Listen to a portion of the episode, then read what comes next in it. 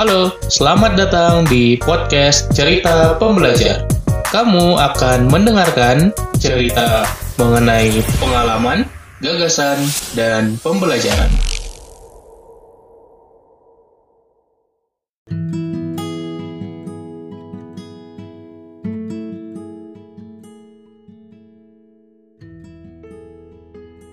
Assalamualaikum warahmatullahi wabarakatuh. Halo Sobat Pembelajar Kembali lagi di podcast Cerita Pembelajar. Bersama gue Umar Al-Faruqi yang terus memberikan insight tentang pengalaman, gagasan, dan pembelajaran. Kali ini kita akan bahas lanjutan dari episode sebelumnya Yaitu kita sudah membahas tentang bagaimana kita merumuskan resolusi. Nah, kali ini gue ingin membahas lebih detailnya lagi bahwa ada prinsip-prinsip yang perlu kita terapkan dalam membentuk si resolusi. Nah, karena ini sudah akhir tahun, gue tahu sudah banyak banget dari lu yang mulai menentukan resolusi tahun 2021, mulai menetapkan 2021 mimpi-mimpi apa yang ingin dicapai, goal apa yang ingin diraih, cita-cita apa yang ingin segera dikejar. Nah, maka pengen gue bahas di episode kali ini prinsip bahwa kita bukan mendapatkan tapi kita menjadi. Kita bukan mendapatkan tapi kita menjadi. Nah, kalau lo pengen tahu teori di belakangnya, ini gue dapat dari buku Atomic Habits oleh James Clear yang namanya Three Layers of Behavioral Change. Jadi ada tiga lapisan dalam perubahan perilaku. Nah, sering kali kita memulai dari lapisan terluar, yaitu outcome, kemudian yang tengah itu adalah proses, lalu yang di paling dalam adalah identity. Ya, jadi ketika kita mencoba dari outputnya, dari hasilnya, itu kurang baik karena kita tidak mengubah identitas diri kita. Sebagai contoh, misal kita punya resolusi bisa berhasil baca 10 buku. Nah, kita udah baca 10 buku, terus kan udah selesai gitu ya. Setelah itu tercapai, berarti kita nggak ada goal lagi gitu. Nah, tapi kalau misalnya kita mengubah si diri kita menjadi seorang pembaca, maka mau berapa buku pun yang kita udah selesaikan kita tetap lanjut baca buku. Nah itulah poinnya adalah kita menjadi pribadi yang berbeda. Ada identity shift di situ perubahan identitas. Nah yang ingin gue share tentu kalau yang tadi agak ribet ya kalau gue jelasin satu-satu. Nah coba lo ingat ini aja. Be do have. Be do have. Jadi ada tiga. Be do dan have. Kita menjadi kita melakukan, kita mendapat. Menjadi, melakukan, mendapat. Jadi ketika lo ingin menetapkan suatu resolusi, coba lo lebih berfokus lo ingin menjadi seorang apa. Lo ingin menjadi seorang yang seperti apa. Lo ingin menjadi siapa. Jadi instead of goalnya membaca buku sekian gitu ya, atau uh, lari pagi, uh, sering lari pagi, sering olahraga, itu itu di tahap kedua ya, ini di tahap kedua atau tahap ketiga. Jadi apa yang kita lakukan atau apa yang kita dapatkan. Tapi first of all coba kita mulai dari B dulu. Kita mau menjadi seorang apa?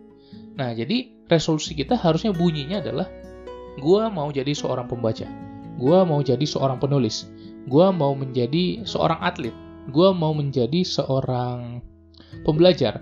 Artinya nanti itu muncul do dan have yang kita breakdown dari B tadi. Nah, barulah muncul, oh ternyata gue pengen jadi seorang pembaca yang membaca buku 15 menit setiap hari. Baru terakhir outcome-nya, have-nya adalah gue menyelesaikan 5 buku, 10 buku. Jadi kita mulai dari be dulu. Be, lalu do, baru have. Apa yang kita inginkan diri kita menjadi seperti apa, kemudian kita melakukannya apa, dan terakhir kita mendapatkan apa nggak bisa kebalik gitu ya. Kita dapat apa dulu terus kita menjadi apa. Nggak make sense gitu ya. Akhirnya nanti kalau kita mulai dari apa yang kita uh, ingin dapatkan itu nggak akan long term perubahannya. Tentu kita ingin mendapatkan perubahan yang long term yang jangka panjang. Sehingga bukan hanya tahun ini saja kita hebat, tapi tahun-tahun berikutnya juga hebat. Bukan hanya bulan Januari doang kita semangat, tapi Februari sampai Desember kita juga sama semangatnya. Itulah kenapa gue mencoba sharing tentang ini. Be, do, have. Ini adalah insight yang beneran powerful banget buat gue pribadi.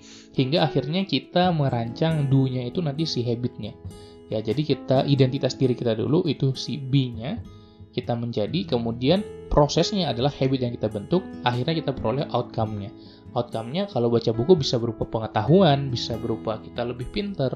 Kalau olahraga ya, berarti kita ingin jadi atlet lari misalnya jadi kita jangan bayangkan uh, kita seharus seperti atlet lari nasional seperti itu tidak perlu gitu tapi kita benar-benar membayangkan dalam pikiran kita sehingga itu mempengaruhi subconscious mind atau otak bawah sadar bahwa kita ini seorang pelari ini seorang atlet gue kalau dibandingkan dengan orang-orang lain mungkin olahraganya belum terlalu jago gitu tapi setiap pagi ketika gue lari pagi gue bayangkan diri gue ini adalah seorang atlet lari ya jadi apa yang gue tanamkan dalam otak gue adalah gue jadi orang yang sehat, orang yang bugar. Itu adalah nanti outcome terakhirnya. Ya, apa yang gue dapatkan. Jadi, be, do, have, coba rancang semua resolusi lu dalam tiga tahapan ini. Lo ingin jadi seperti apa? Apa yang ingin lo lakukan? Dan apa yang lo ingin raih? Jangan dimulai dari apa yang ingin lo raih Oke, semoga bermanfaat dan gue harap lo bisa terapkan ini di resolusi tahun depan lo atau mungkin setiap goal yang ingin lo capai. Nggak harus resolusi tahun depan juga.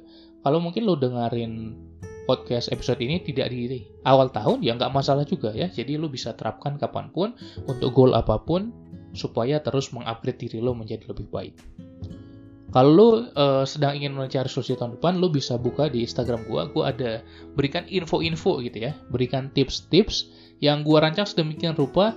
Dan informasinya ada di Instagram gue, lo silahkan follow aja di @pembelajarproduktif. Di situ gue bakal kasih tips lengkap bagaimana kita dari awal sampai akhir merancang resolusi awal tahun. Dan itu berdasarkan pengalaman gue, berdasarkan apa yang gue pelajari, itu udah gue rangkum semua, silahkan lo pelajari dari sana. Buat lo yang belum follow, silahkan follow di Spotify, di cerita pembelajar, supaya lo bisa dapatkan terus info-info dan rilis-rilis terbaru podcast gue yang mudah-mudahan selalu akan konsisten rilis dua kali setiap pekan. Terima kasih banyak yang sudah mendengarkan sampai sini, semoga bermanfaat. Kita jumpa lagi di episode-episode berikutnya. Salam pembelajar.